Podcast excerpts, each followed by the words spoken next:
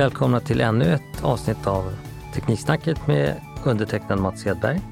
Idag har vi två gäster. Jag hälsar Svante Axelsson välkommen. Han är nationell samordnare för Fossilfritt Sverige. Tack. Och sen har vi även vår samarbetspartner Carl-Johan Linnér, VD för Saltex, som Mm, är tack så mycket. med energilagring i salt. Välkomna! Tack. Tack, tack. Jag vänder mig till Svante. Det är väldigt kul att ha dig här. Eh, Du har ju varit min lärare i nationalekonomi med miljöinriktning på SLU eh, och eh, stor inspiratör i miljöfrågor. Eh, Din karriär har varit lite ovanlig. Den, du började som lärare på universitetet, vidare till generalsekreterare på Naturskyddsföreningen och sedan ut till regeringskansliet. Med det här i bagaget, vad gör du för reflektioner när du tittar tillbaka och där vi befinner oss nu? Ja, men det är en väldigt bra eh, läroprocess att vara akademiker och tänka teoretiskt och stringent och sådär. Och jag var ju sugen efter det där att liksom, ja, man måste testa om det här funkar i verkligheten. Alltså. Och då blev jag plockad till Naturskyddsföreningen som miljöekonom eh, och sen generalsekreterare. Eh, och då fick man ju också se från det perspektivet hur man påverkar samhället vid opinionsbildning och sånt. Och sen kunde jag inte säga nej när jag fick frågan om nationell samordnare. Då kommer man nästan in i spindelnätets centrum eh, där jag nu springer som en jojo mellan oppositionen också och regeringen och näringslivet. Så att eh, en bra evolutionstrappa där man lär sig mer och mer och jag har rätt mycket nytta av eh, både teoristudierna faktiskt fortfarande eh, och eh, roll, hur miljörörelsen tänker. Vi hade ju ganska mycket kontakt med näringslivet redan då. Så att det nyaste kanske för mig är ju egentligen regeringskansliet och politikens logik eh, lite mer inifrån. Och när du har varit inne i det, vad känner du då? Vad tycker du? Hoppfullhet, eh, vilket jag inte tror alla skulle säga när man tittar på det utifrån. Eh, Men jag säger att det är sånt drag nu alltså mellan, jag brukar säga att man behövs ju tre, två för en tango eller kanske en square dance kan man säga. Mm. Man behöver ju både kommuners upphandlingar, behöver politiken, regelverk, näringslivet, opinionen. De här går väldigt i takt just nu.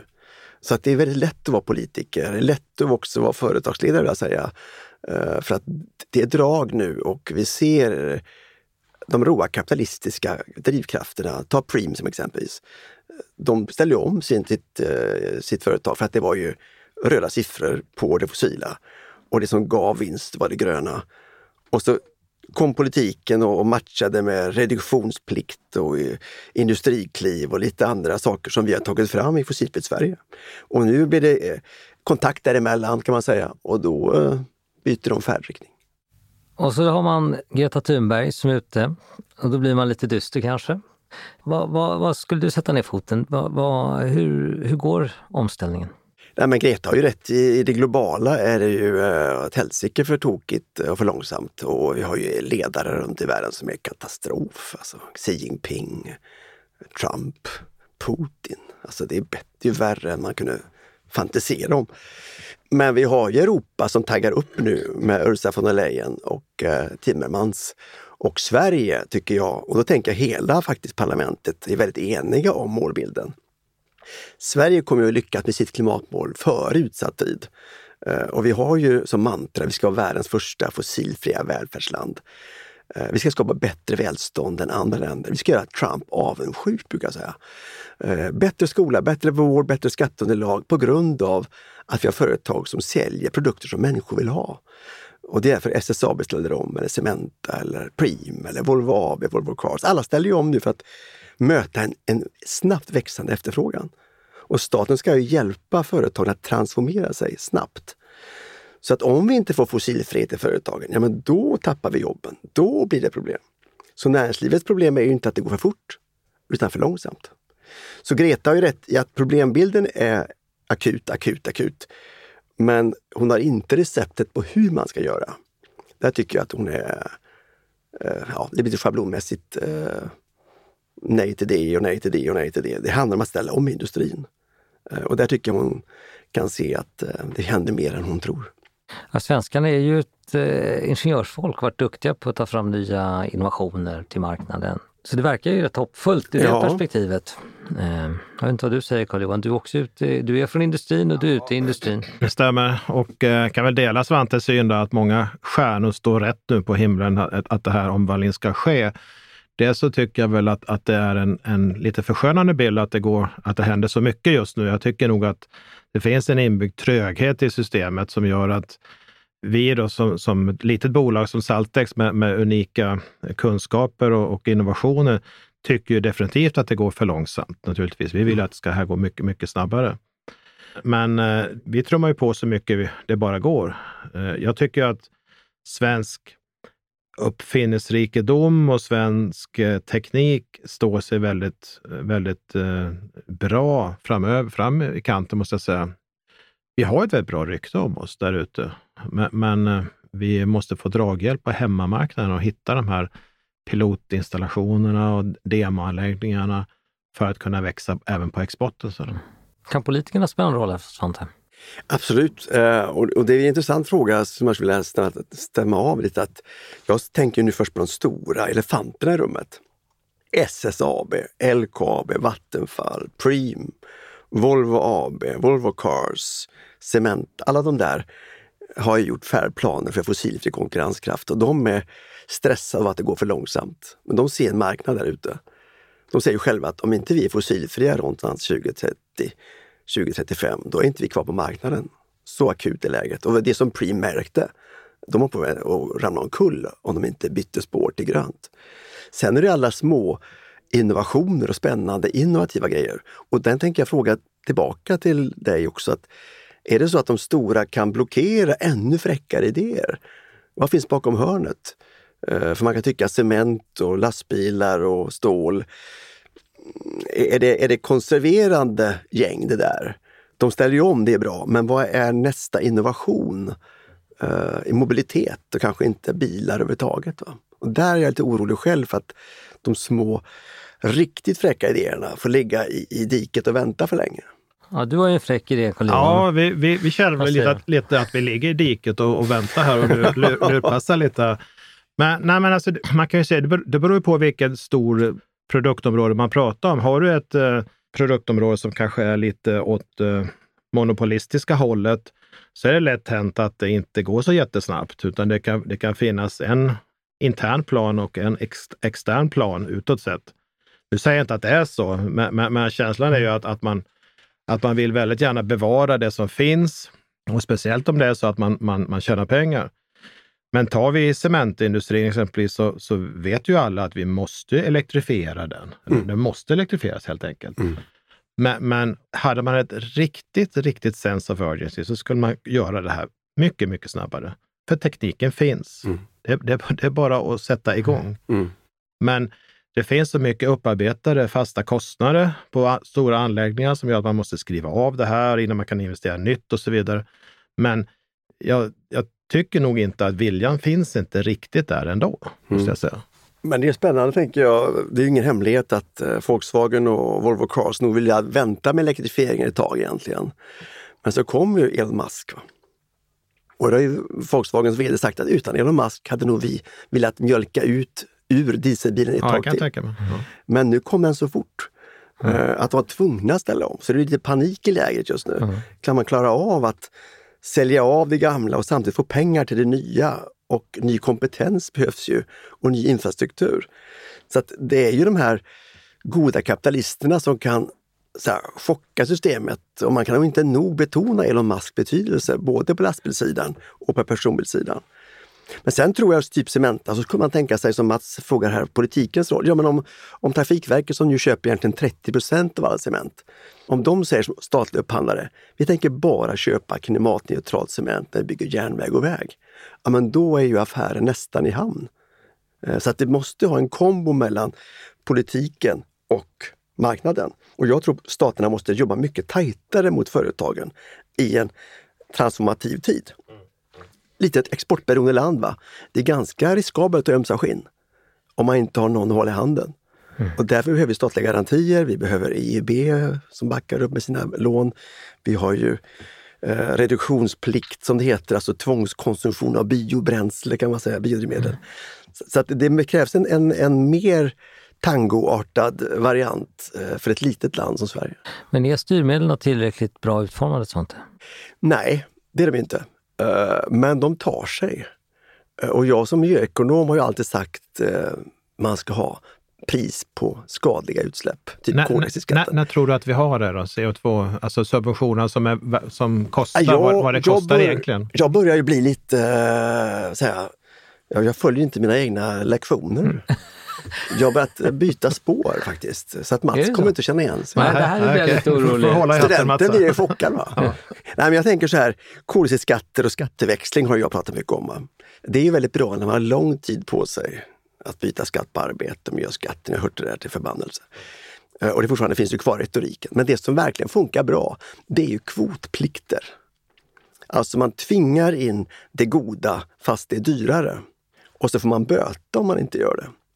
Det är ju den här reduktionsplikten, alltså bränslebytet. Nu, alla som då säljer bensin och diesel måste ju visa upp att de ökar inblandningen av det förnybara varje år. Så att diesel och bensin blir grönare och grönare och grönare. Och gör man inte det så blir det skyhöga böter. Samma är det med EU. Vad är det som händer? Jo, men lastbilstillverkare och personbilstillverkare måste visa på smartare och smartare bilar. Så smarta att det måste, man måste sälja elbilar för att klara av den kvoten. Och följer man inte den här effektiviseringskurvan, då blir det svinhöga böter. Det är därför Volvo satsar på ellastbilar. Det är därför som Volvo Cars är så stressade. För de får betala böter om de inte kommer ner på extremt låga utsläppssiffror. Det är regleringar, alltså förbud. Glödlampan försvann, LED-lampan dök upp. Otroligt uppskattat med förbud faktiskt. Så det... du har övergett eh, marginalkostnaden? Ja, inte riktigt, men alltså, om man nu tänker sig att vi är så stressade som Greta säger, va? Ja. så vill ju företagen veta hur ska jag investera? Ett förbud är väldigt låg risk. Då vet man att det, blir mm. inte, det går inte att sälja den grejen. Men om man har liksom dubbla budskap, du måste hålla dieselmotorn igång, den forskningen samtidigt med elbilsatsningen, men raka kort, raka puckar, kvotplikter, förbud. Det gillar näringslivet. Betyder det att vi kommer greja det här i tid? Sverige kommer greja det. Mm. Vär och världen? Världen beror ju på, eh, på ja, amerikanska valet i viss del. Vi kommer ju att komma ner till noll, men det är ju det här med tröskeleffekterna. Va? Alltså mm. Man sitter ju och spelar rysk roulette med klotet. Vi vet ju inte när det Nej. tickar igång. Nej. Och där är vi redan nu. Jag vi vet, man, ju, vi vet ju inte... Lyssnar man på en annan aktivitet som Johan Rockström ja. så kan man bli lite... Ja, nej, men vi har ju inte koll på läget om tundran börjar läcka metan eller inte. Va? Men, men om vi utgår från att, ändå att vi, vi ger järnet där vi har rådighet, brukar jag säga. Det är ingen idé att sitta hemma i, i soffan och deppa. Vad är det vi har rådighet över? Ge all in där. Och Sverige har ju en unik position. Att vi kan visa på att den här logiken som många tror att det är lidande och bördor att bli fossilfri, det är faktiskt feltänkt. Och när folk fattar det, då blir det en kapplöpning ut ur fossilsamhället med full fart. Hur långt kvar är det? Ja, jag skulle säga den svenska berättelsen, alltså, återigen, Preems story Eh, den är viktigare nästan ur ett globalt perspektiv än bara vad som händer i Lysekil. Underskattar vi den? Jag underskattar den. För den är lik också Nestes beslut som kom en vecka innan. Ni vet. De la ner ett raffinaderi i Finland en vecka innan. Och Exxon och andra omvärderade sina kalkyler. BP kom med en outlook förra ja, veckan. Ja. Alla pekar mot racet ut ur fossilsamhället. Va? Så det, det, är, det är en, nu är marknaden och, och kapitalet kan man säga kompisar i den meningen att det är fossilfriheten som också skapar stabila företag. Och det gör ju att, att man blir hoppfull. Utan att vi har korrekta priser på grejerna så är vi ändå där. Eller solcellsrevolutionen. Den sticker iväg så enormt snabbt trots att vi inte har en global skatt på utsläpp. Mm. Det, det överraskar. Jag tror, för att skjuta in bara, jag, jag, tror att vi har ett väldigt bra klimat i Sverige, eller Norden framförallt, för att kunna samarbeta över gränserna. För jag menar, det är inte en teknik som ska lösa den här tekniken, det här problemet, utan det är många olika tekniker. Och, och, och just när det gäller, vi har, ju, vi har ju nyligen ett bra exempel här i Helsingfors som har då utlyst en, en, en tävling om, om man ska bli fossilfria och bjudit in och fått in väldigt, väldigt många svar. Och det beror kanske på pandemin på så sätt att många har suttit och skrivit en ansökan, inte, inte vet jag. Men, men, men det är en intressant approach för det visar liksom att man måste ta ett helhetsgrepp på, på utifrån stadens perspektiv. De, mm. de, har bestämt sig, de ska bli fossilfria, mm. punkt slut. De ska mm. lägga ner kolen och alltihopa. Där. Och, och, det är inte en lösning som kan göra det, utan det, det är ju, det, är ju det, det, fossilfria bränslet då. Och som vi tycker är väldigt trevligt då, när du har fossilfritt bränsle så behöver du oftast ett energilager också mm. för att kunna se till mm. så att leverera lite kraft när det inte blåser eller inte så, lyser solen och så vidare. Men där brottas ju ni på... Men, men klimatet, alltså, klimatet i Sverige och Norden är bra för att kunna göra och vi har alla förutsättningar för att kunna klara av det egentligen. Då tänker jag lite grann på er på Saltex, er energilager i Berlin, mm. som Vattenfall har möjlighet att, att, gå lite mer all in i. Mm. Jag får känslan av att äh, men de har inte riktigt tagit upp Nej, ja, det, det, det, är väldigt mycket som många som pratar om vätgas idag och så gör även Vattenfall i, i Tyskland och med, med flera, så jag påstår. Och vätgas, jag är ingen vätgasexpert på något sätt och den kanske är bra, men den, den finns ju inte nu. Det är ju ganska långt fram i tiden som det finns och jag, jag tycker nog inte att vi har råd att vänta egentligen, utan vi skulle använda den tekniken som finns idag egentligen för, för att göra det här, vad vi kan göra. Utan det finns en tendens att man skjuter problemen framåt. Ja, vätgas kommer lösa det här. Men det, det är faktiskt väldigt, väldigt många år dit tills, tills vi har i olika applikationer. Du nämnde ju hybridprojektet här Svante och, och det, det, tar ju några år innan det är mm. färdigt. Ska vi säga vad det är bara? Det är ju, det är ju L Fossilfritt stål, ja. alltså masugnens tus, tusenåriga historia läggs i graven och så byter mm. man till vätgas. Och det är ett samarbete mellan SSAB, LKAB, LKAB och Vattenfall. Och Vattenfall. Ja. Mm. mm. Det är intressant tycker du, så Helsingfors, eh, jag tycker det är så spännande med innovationsupphandlingar och den typen av teknikstimulans ja. som man nu gör. Jag menar, våra våra bergvärmepumpar är ju Nuteks teknikupphandling från mm. 80-talet. Mm. Så att man behöver ibland, någon lärde mig, du ska inte snacka om piska och morot längre Svante, du ska snacka piska, morot och ost. uh, ost, vad är det? Då? Ja, du lockar fram något som du inte ser. okay. uh, och det där tror jag man kan göra mycket mer av, att liksom beställa saker som inte är på marknaden och att någon får en stor upphandling om man vinner. Och jag tänker som du då lyfte här, liksom, Fors, tänker jag, som inte jag har kunnat så många månader. Geovärme, alltså inte bara den här gamla solvärmen som ligger ytligt utan går ner tre kilometer och får upp värme från jordens innandömen. Det gör man i Helsingfors. Det gör man också i Malmö. Och får vi upp den energin, då kan vi befria många värmeverk från biobränsle som då kan gå till raffen. För vi har ju inte skog till allt. Så det kommer in nya spelare här som, som kan alltså bli fjärrvärmesystemets grundbult. Det är att vi har jättemycket närhet till jordens innandöme och dess värme. Vi är bra på det här i Sverige, men eh, Svante, hur bra är, är, vi på att få ut det här eh, till resten av klotet? Ja, det vet säkert ni bättre än jag, men jag är lite...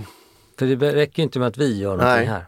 Nej, jag, jag är lite eh, så här, jag blir inte imponerad när jag ser hur Sverige organiserar sin export. eh, Holland, där har ni en ganska intressant laguppställning. Där sitter ju ett råd uppe vid regeringsnivå och jobbar tillsammans. Även Danmark är skickligare. Det är väldigt många olika spelare i den svenska exportkedjan som verkar inte riktigt köra eh, med en dirigent. Uh, nu tror jag att varumärket Sverige är ju starkt, men kanske också ännu starkare när vi får massa tunga industriberättelser. Och jag jobbar ju mycket nu med, med Business Sweden och många andra mm. att få ut Sverigeberättelsen. Och vi har gjort en Sverigeberättelse med 20 bilder som vi också ska få ut till ambassaderna för att de sitter fortfarande och pratar om klorblekt papper liksom, eh, när man pratar om Sverige. Det var ju 70-tal. De måste kunna det som händer i Sverige nu. Det händer så mycket. Så där har vi nog en, en del kvar. Jag tror det handlar om att organisera sig tydligare i sin exportstrategi. Och hur intresserade är politikerna av det här? På pappret jättemycket. Alltså alla älskar ju export. Sverige är ett exportberoende land. Eh, det finns ju inga egentligen eh, medvetna hinder utan det är snarare att man inte riktigt får till det. Eh, men viljan finns nog, men jag upplever att det är ganska spretigt. Och vad blir din roll i det här? Jag har inte vågat gå in i den frågan för att jag tänker att jag kan drunkna här inne. Alltså. ja. Eh, det är så enormt stort. Ja. Så jag tänker om vi får fram industriprojekten i Sverige så får vi ta nästa steg hur vi får ut de här berättelserna. Men Northvolt har gjort sig känd i Europa kan man säga. Uh, Ursula von der Leyens enda industriexempel i hennes tal för ett par veckor sedan, det var ju stålet från Luleå, SSAB Hybrid. Så vi börjar ju få Northvolt, SSAB, eh, världens bästa faktiskt då tror jag, Bioraff i Lysekil. Kanske världens första klimatneutrala cementproduktion på Slite. Eh, och vi har lastbilarna från Scania och Volvo AB som nu säger att man kan åka 30 mil på ett, mm. på ett batteriladdning. Mm. Mm. Så vi börjar få ganska många tunga industrisprång. Och då, när de kommer ut på banan så tror jag vi sätter vårt varumärke än högre. Sitter du och diskuterar med de här företagsledarna någonting sånt? Ja. Är det några som... är Olika. Och, och, och eh, är det öppna dörrar när du kommer? Ja. Alltså det är ett enormt drag. Eh, och vi har tagit fram 22 färdplaner för fossilfri konkurrenskraft. Och då är det branscherna, de som normalt är väldigt, väldigt tröga. Företag kan vara pigga, men hela flocken skriver under att detta är bra för affären. Jag berättar om detta i Frankrike och i Holland och de ramlar av stolen.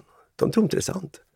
Ja, men ni har väl inte branscher som frivilligt skriver ihop sig om att de ska bli fossilfria? Och att det är bra för ekonomin? Ja, det gör de faktiskt. Och sen lägger de en beställning i knät på politiken. Och politiken jublar och tar emot den där beställningen och tänker Wow, vad kul att vara politiker när man får industrin som lobbyist på klimatpolitik. Inte bara miljörörelsen.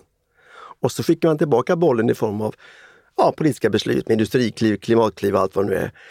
Så att när tangon börjar röra på sig eh, och jag tycker återigen, Preem-caset eh, är ett klockrent exempel på hur man tydliggör sin vision och får svar med politik. Och sen blir det förändrad färdriktning. Var du inblandad i det caset? Ja, i den meningen att jag som uh, samordnare måste man ju vara inblandad i sådana här case. Och då har jag också uh, utifrån de här branschberättelserna frågat vad vill branschen ha för politik? Och det var ju tre saker, typ industrikliv, klimatkrediter och reduktionsplikt. Och så skickade jag in den bollen till regeringskansliet. Ja, och sen blev det så bra att alla de där tre var med i budgeten. Det underlättar nog ganska mycket för Primo att ta beslutet här i förra veckan. Och vad kan du göra för mindre företag som är snilleföretagen? Ja, där är jag faktiskt ganska dålig. Alltså. Alltså, jag tycker att jag har ju landat i den första vågen av stora etablerade företag. Jag är väldigt nyfiken på hur man dockar in modern teknik i gamla strukturer. Uh, för jag tror inte att alla måste dö, som Schumpeter sa, och sen ska det växa upp något. För det klarar, det klarar vi inte av socialt. utan hur kan Volvo AB, Volvo Cars, inympa kanske mobilitetslösningar som Nevs i Trollhättan ju faktiskt jobbar bättre med? Hur får vi in innovationer från små startups-företag in i de stora? Jag tycker det är en, jag får massa signaler om hur får vi det här mötet mellan de små och stora att kunna bli kreativt? Mm. Och där har jag inte svaret. Det, det, tror jag är en riktig utmaning att, att få till och, och Saltex är väl ett av många bolag, där, små bolag, som skulle vilja komma in i, i, i finrummet, så att säga, i de stora bolagen, kunna hjälpa till med små, smått och, och, och stort. För jag tror vi, det finns en möjlighet. Där, där ehm, där tror jag man behöver intensifiera dialogen helt enkelt på något mm. sätt. Jag har mm. inte svaret på det, men, men, men hitta någon, något forum där man kan liksom lösa det här på. Någon bra arena? Ja, en bra arena helt enkelt. Hur är det med kapitalförsörjningen? Jag får ju signaler om att Almi inte hinner att stötta och att nu köper kineserna upp många startups eller så går de under i coronatider. Det är en akut fråga som jag har fått i knät. Men jag, vet, jag kan inte själv nu bedöma hur man ska på något sätt rigga den här båten så att vi får både en fortlevnad av smarta idéer men också ympa in dem i gängse strukturer. Vi, vi jobbar inte så mycket med Almi, vi jobbar mycket med Energimyndigheten och Naturvårdsverket, Klimatklivet och den biten också. Och där, där eh, känslan är ju att det finns pengar och vi, har, vi, vi som, som Saltex då, vi har fått ett visst, visst bidrag där, ja. Men, men eh, om man säger så här, det är väldigt mycket jobb. Mm för, för de här pengarna mm. som tar innovationstid mm. och utvecklingstid ifrån, ifrån oss som, som bolag också. Mm. Sen finns det ju väldigt mycket, det vet vi ju alla om, men det här med green money, det finns ju väldigt mycket pengar inom, inom EU. Ja, extremt mycket pengar. Mm. Men här, här, här pratar man ju då om, om små avhandlingar som man ska skicka in mm. på 70 sidor ungefär. Mm. Och sen kan man få pengar, ja. Mm. Visst. Men jag menar ett bolag som ert, som Saltex, ni har ju vänt till kapitalmarknaden ett antal gånger. det har vi fått göra, absolut. De, de bidrag vi får från Energimyndigheten, det är ju, det är ju marginellt, liksom, mm. det är marginalpengar. Men vad är problemet? Är det marknad, alltså är det köparen som inte finns? Eller är det, jag upplever ju att det finns enormt mycket kapital. Eh, brist på projekt snarare. Men sen måste ju... Mm, jag tror du och jag får vara... ta en kaffe sen efteråt och prata igenom den listan, Svante. Men jag tänker, typ Vattenfall fick igång vindkraften till slut. Mm. Det var inte så att vindkraften låg, låg självklart i Vattenfalls portfölj.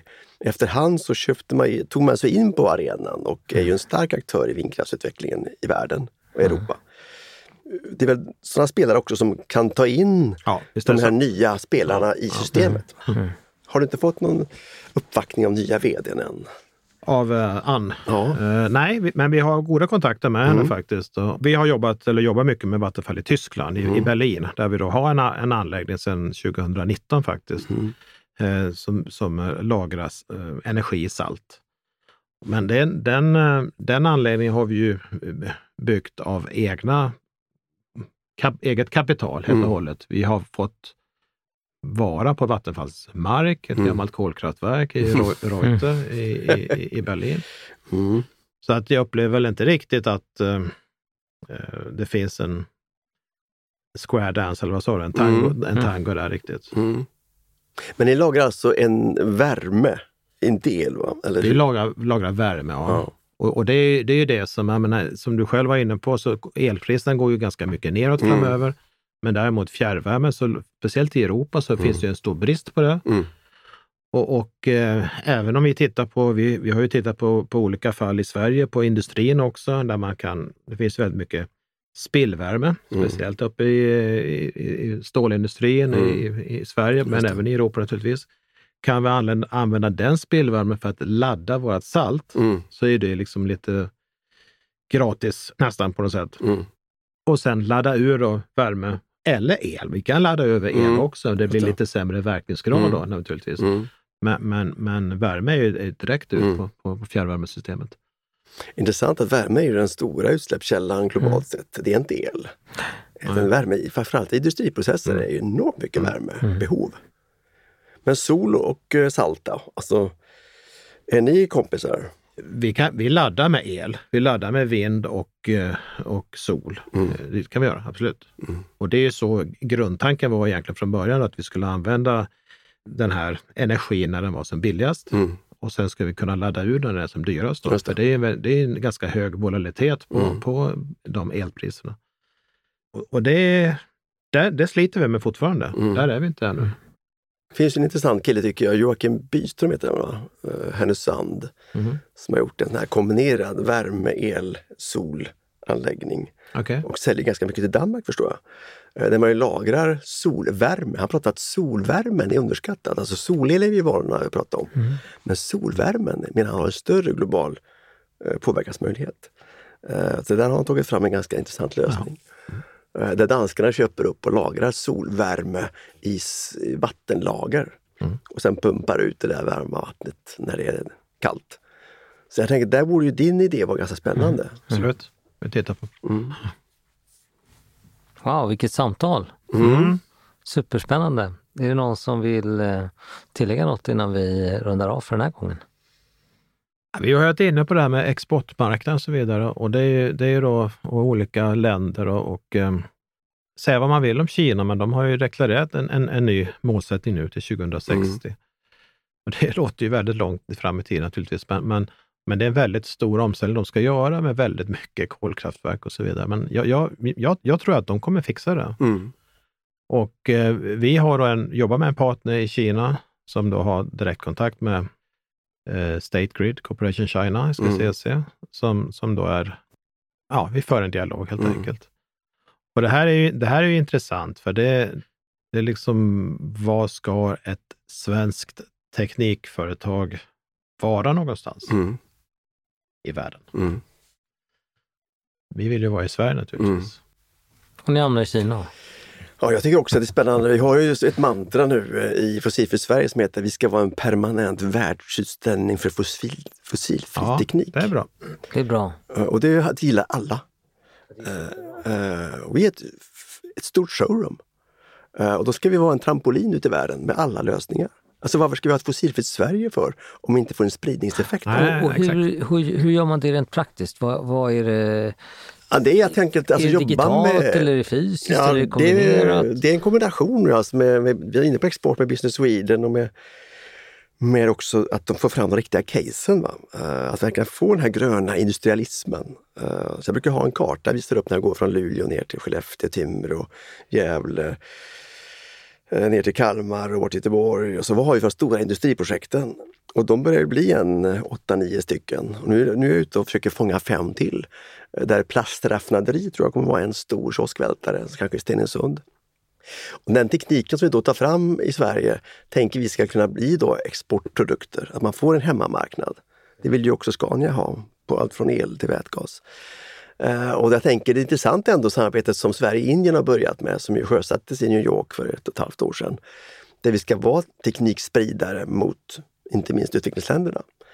Så att kan vi hitta partnerskap, men vi måste ha en hemmamarknad, vi måste ha en hemmaträningslokal. Och det är den som nu börjar komma igång. Uh, och det börjar bli ett commitment att vi ska ha fräckaste grejerna ska vara här först.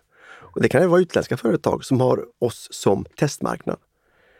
Men just den här mentala målbilden, vi ska ha det senaste, fräckaste här. Så vi tar fram just nu en plusstadskoncept. Det byggs en miljonstad vart femte dag i världen. Och vi har ingredienserna till en riktigt smarta städer. Riktigt smarta städer. Och nu samlar vi ett gäng runt det här konceptet för att sen kunna också exportera hela städer ut i världen. Som nyckelfärdigt i stort sett? Ja, det, ja jag förstår att det inte är det, men, nej, men, själva... men att vi har så många ingredienser i det och vi har ja. Det är inte elbilar och sånt som är svårt utan det är den sociala delen. Alltså hur får vi tillit, integration, mm. uh, sharing economy, mm. andra sätt att leva på. Uh, och den delen är ju Sverige grymma på. Det är superintressant. Mm. Det är av våra samhällsbyggare som lyssnar på det här. Mm. Ja, det finns mycket nu. Ja, det, det finns så mycket som händer. Så att, ja, jag är tillbaka till eh, tekniken finns, ekonomin talar för. Vi är mentalt inte med riktigt. Vi fattar inte hur fort det går. Är vi för begränsade? Ja, vi behöver kommunicera och berätta mycket mer om vad som faktiskt händer just nu. För då börjar vi ana ja. uh, helheten. Och folk på gatan här ute går ju med rätta och deppar lite. Det är det jag menar med begränsade. Ja. Men vi, vi, alltså, folks kunskap om klimatfrågan är mycket högre än kunskapen om, om lösningarna. Mm. Mm. Och har vi inte kunskap om lösningarna, då är vi mer rädda över samhällsförändring än klimatförändring. Och därför händer ingenting i USA. De är skiträdda över samhällsförändring. Och det kan jag förstå med en sån ledare de har. Ja, ja. Men vi kan ju faktiskt ställa om vårt samhälle, har gjort det förut. Min pappa var bonde, alla våra farfäder var bönder. Vi ställer ju om hela tiden. Men vi gör det snyggt. Det är vår komparativa fördel. Wow, vilka avslutsord från Svante Axelsson. Och jag, jag hoppas vi får följa upp det här med, med ännu mer lösningsorienterat. Mm, verkligen. Vi bjuder in dig igen. Ja, ja det finns så mycket att säga. Så att, eh, jag tycker jag bara när jag träffar släkten så, va, är det sant? Nej, jag har inte hört. Varför kommer inte det här ut i tv? Varför säger ingenting om det här? Mm. Nej, det händer mycket skoj under täcket. Mycket bra. Häftigt. Mm. Jag tackar er båda för att ni varit med. Mm, tack själv. Tack så mycket. Tack, trevligt. Hej. Tack. Hej. Hej.